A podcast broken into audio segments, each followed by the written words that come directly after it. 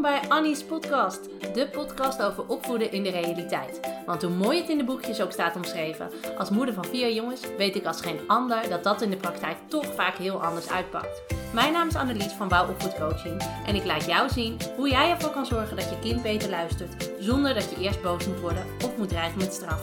Op een nuchtere, praktische, humoristische en realistische manier. Veel plezier met deze aflevering van Annie's podcast.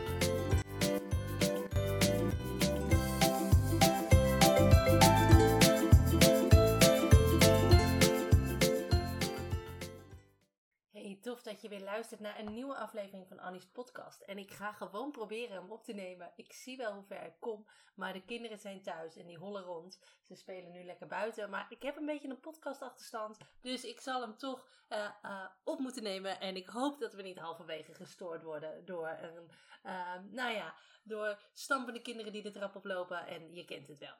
Goed, hey, we gaan het vandaag hebben over ehm, de situatie echt een situatie uit de praktijk. Wat nou als je kind blijft huilen en nou, het voor jouw gevoel nergens over gaat? Wat doe je dan? Want soms heb je wel eens het gevoel dat je kind gewoon een beetje blijft hangen in zijn helbui. En je hebt gelezen dat je aandacht moet hebben voor het gevoel van je kind. En dat je uh, zijn gevoel moet benoemen. En dat je het moet herkennen. Nou ja, et cetera, et cetera. Dus dat doe je zo goed als je kan. Maar soms zijn er wel eens van die helbuien die echt nergens over gaan. En dan vraag je jezelf af: kan dat nou niet anders? Ik bedoel, je begrijpt het als je kind uh, verdriet heeft omdat hij gevallen is. Je begrijpt het als je kind uh, verdriet heeft omdat hij gepest wordt.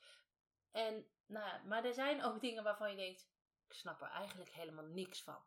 Nou, weet je, dat is een belangrijke. Want natuurlijk moet je er voor je kind zijn. En natuurlijk moet je je kind troosten als dat nodig is. Maar soms is het ook belangrijk dat je weet hoe je je kind uit zo'n helbui kan krijgen.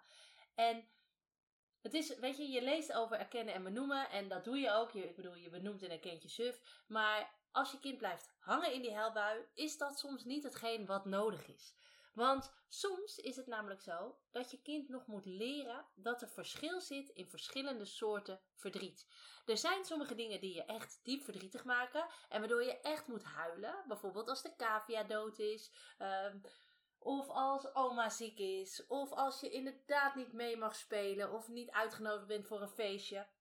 Maar er zijn ook dingen die wel vervelend en jammer zijn. Maar die nou niet direct tot een ontzettend hevige helbui hoeven leiden. Ik bedoel, wij hebben een poosje gehad met de oudste. Het is wel een paar jaar geleden hoor. Maar uh, weet je, het verlies van een wedstrijd curling op tv. Als, weet je, speelde China tegen Rusland. En dan had hij gekozen dat hij voor China was. En als China dan verloor, nou dan volgde dat tot een ontzettende uh, dramatische helbui. Nou, en weet je, dat is een beetje met wat ik bedoel.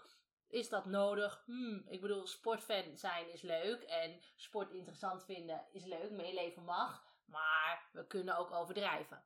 En laat me wel even vooropstellen: je kunt nooit in iemand anders gevoel kijken. En je kunt nooit als volwassene bepalen of jouw kind wel of niet verdrietig is. En of dat wel of niet terecht is. Weet je? Het feit dat, um, dat jij uh, uh, iets niet zo belangrijk vindt, wil niet zeggen dat jouw kind het niet belangrijk vindt. En kinderen, uh, ja, die, die ervaren emoties gewoon heviger dan, dan volwassenen. Ik bedoel, hun wereld is ook kleiner. Hè? Dus de dingen die ze meemaken, die in onze ogen niet zo groot zijn, kunnen voor kinderen natuurlijk wel heel groot zijn. Ik vergelijk het altijd een beetje met. Uh, kijk, als jij zwanger bent, dan duurt dat negen maanden. En die negen maanden duren ongelooflijk lang. En die gaan tergend langzaam voorbij. Maar als jij uh, bijvoorbeeld pas, pas drie bent, dan is negen maanden een kwart van je leven. Zie je hoe, hoe je, als je de dingen in perspectief plaatst, negen maanden is lang voor ons te overzien. Maar negen maanden voor een, een, een peuter is een kwart van zijn leven. Dus zo is het feitelijk wel hetzelfde. Het gaat feitelijk om negen maanden. Maar uh, hoe je het ervaart en hoe je het voelt, dat kan voor, uh, voor ieder persoon heel anders zijn. En als je kind dus verdrietig is, dan helpt het dus vooral niet om te zeggen: Nou, kom op zeg, hier hoef je toch niet om te huilen. Of nou, niet zo huilen hoor, zo erg is het niet. Hou nou eens op met dat gehuil, dat is nergens voor nodig. Weet je, je kind voelt zich verdrietig. En nogmaals, of dat nou terecht is of niet, dat doet er niet toe. Deze opmerkingen gaan hem er echt niet uittrekken. En toch mag je kind wel leren dat hij niet om ieder dingetje in huilen hoeft uit te barsten. En nou, nogmaals, uh, een klein voorbeeldje uit mijn eigen praktijk. Toen uh, mijn jongens uh, met hun schoolklas naar het theater zouden gaan. Ze zouden allebei op een andere dag gaan.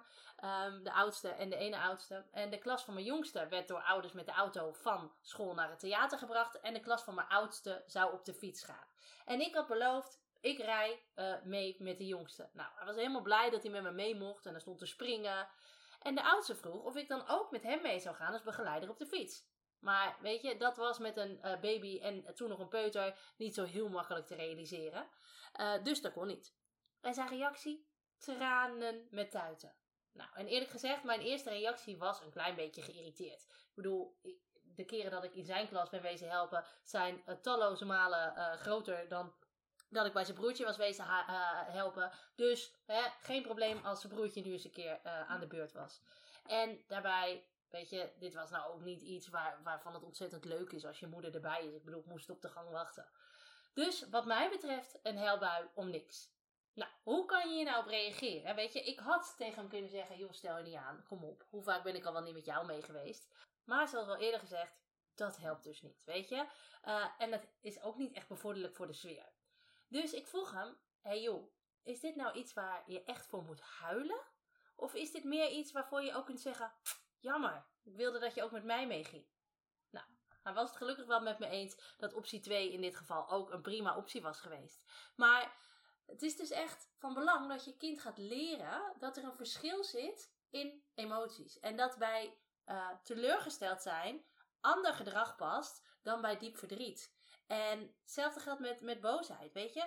Kijk, als jij um, woedend bent, omdat, nou ja, misschien wel je fiets gestolen wordt, dan is het niet zo gek dat je daar heel boos op bent en dat je daar dat ook uit. Maar als jij teleurgesteld bent omdat je iPad-spelletje niet lukt, ja, daar past ander gedrag bij. En daar is het, weet je, bij het een is het te verklaren dat je volledig uit je vel springt, bij het ander is het niet zo passend. En zo moet je kind dus ook leren dat er verschillende gradaties zijn in emoties en dat daar ook verschillend gedrag bij hoort.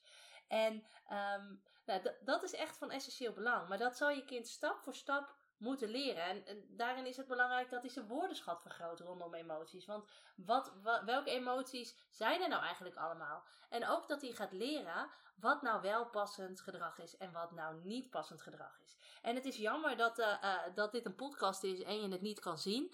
Maar in mijn nieuwe prentenboek, die hoort bij de cursus van strijd met je kind naar in gesprek met je kind, heb ik een prentenboek bij ontwikkeld.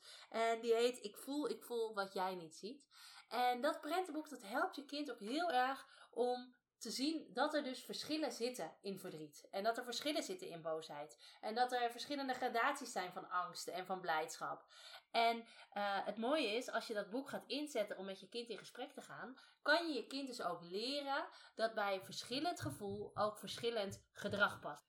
En dat moet je kind dus echt leren. Maar het is ook heel mooi met behulp van het prentenboek. Kan je aan het eind van de dag bijvoorbeeld eens terugkijken op een lastige situatie. En kan je, um, kan je met je kind bespreken van joh, wat er nou vanmiddag gebeurde. Hè?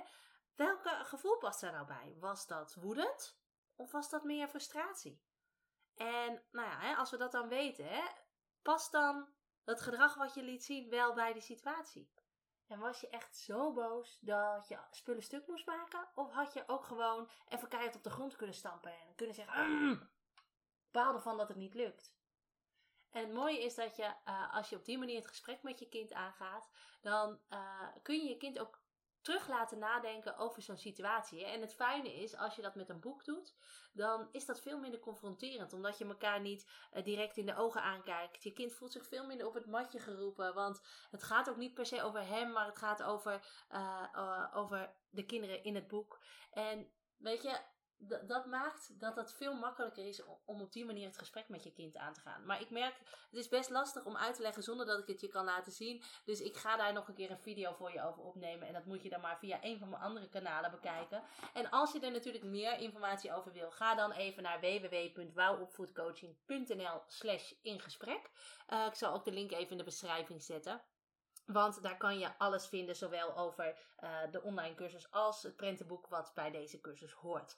Want, nou ja, het gaat dus echt voor je kind. Je kind moet echt gaan leren uh, dat er verschillende soorten gevoel zijn en dat daar verschillende emoties bij passen. En ook verschillend gedrag. Uh, niet dat er verschillende emoties bij passen, want dat is hetzelfde.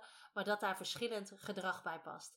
En nou ja, de basis daarvan leg je dus al door je kind kennis te laten maken met al die verschillende emoties. En het daar op een speelse, luchtige manier ook met elkaar over te hebben. Nou, dat was de podcast weer voor deze week. Heb je hier vragen over? Wil je meer weten? Kan je altijd mij een mailtje sturen.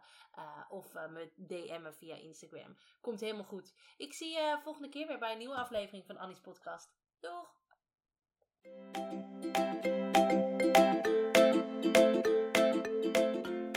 Superleuk dat je deze podcast hebt beluisterd. Kan je nou niet wachten tot de volgende aflevering van Annie's podcast? Ga dan naar Instagram, zoek me op via wouw-opvoedcoaching, want daar deel ik iedere dag toffe en inspirerende tips met je. Om er zo voor te zorgen dat het opvoeden van je kind leuker en makkelijker wordt. Wil je nou nog meer weten? Kijk dan ook even op www.wouwopvoedcoaching.nl slash gratis. Dan kun je je aanmelden voor mijn gratis e-book met 20 tips om ervoor te zorgen dat je kind beter gaat luisteren. Of je kunt je alvast aanmelden voor het webinar Stop met politieagentje spelen. Allebei gratis, dus je hebt eigenlijk geen enkele reden uh, om het niet te doen. Ik zie je volgende keer bij een nieuwe aflevering van Annie's podcast.